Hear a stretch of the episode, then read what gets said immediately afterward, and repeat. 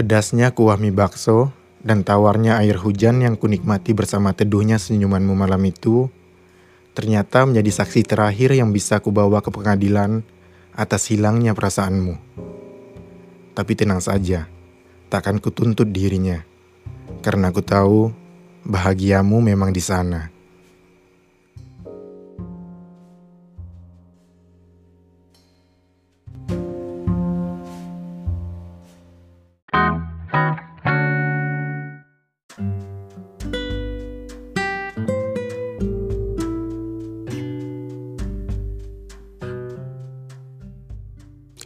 Deretan kursi paling atas bioskop di malam gerimis kala itu tak berpenghuni sama sekali.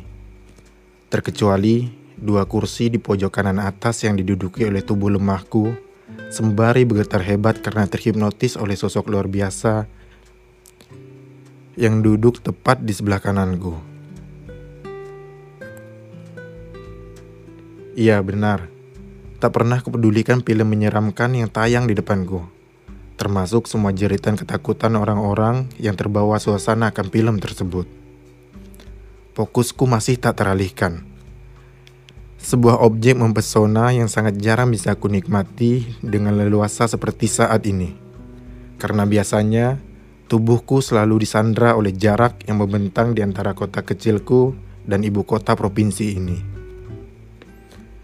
Akan kubunuh kau, ucap sang kutilanak di layar bioskop disambut oleh gemuruh teriakan penonton.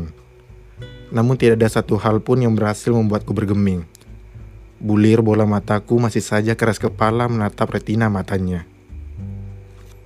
Sebenarnya, kami berdua sama-sama sadar bahwa bioskop hanyalah sebuah alibi untuk kami saling membunuh rindu yang kami miliki.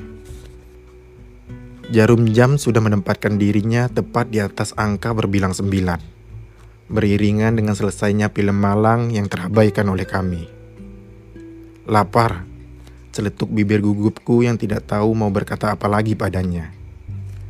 Tenang, akan kuperkenalkan kau dengan bakso terbaik di kota Katulistiwa ini. Sautnya sembari berjalan menuju lantai dasar mall dan mengarah ke tempat parkir sepeda motornya. Tapi alam berbicara dengan cara berbeda. Gerimis masih saja tak mau reda. Barangkali ia hendak mengikis debu-debu jalanan yang sering kali mengelabui pandanganku. Layaknya adegan-adegan romantis di sebuah film, sepeda motor kami melaju di bawah guyuran air hujan yang jatuh dari langit hitam malam itu. Dari spion sebelah kiri, aku bisa melihat tubuh mungilnya berlindung di bawah satu jas hujan yang kami pakai bersama. Entah mengapa, Sepertinya aku bisa mendengarkan bisikan dari di kepalaku sendiri. Ini adalah gerimis yang paling membahagiakan. Sambil tersenyum, semakin kupelankan laju sepeda motorku. Berharap aku bisa berlama-lama bersamanya. Meskipun ternyata kami sudah hampir sampai di warung bakso idamannya. Baksonya terasa sedikit asin, protesku padanya. Sebelum akhirnya ia tuangkan banyak kecap pada mangkok baksoku. Dasar jari keriput jahil, ejekku yang selalu kelontarkan padanya. Jari inilah yang nanti akan membahagiakan kamu dan anakmu. Timpanya sambil memperlihatkan senyuman istimewa yang selalu kukagumi. Senyum di bibirku surut bersamaan dengan kuah bakso yang ada di mangkoknya. Yang dengan itu menandakan kebersamaan kami tidak memiliki cukup durasi lagi. Assalamualaikum, Teriakku dari dalam taksi online padanya yang sedang mengenakan jas hujan di tepi jalan.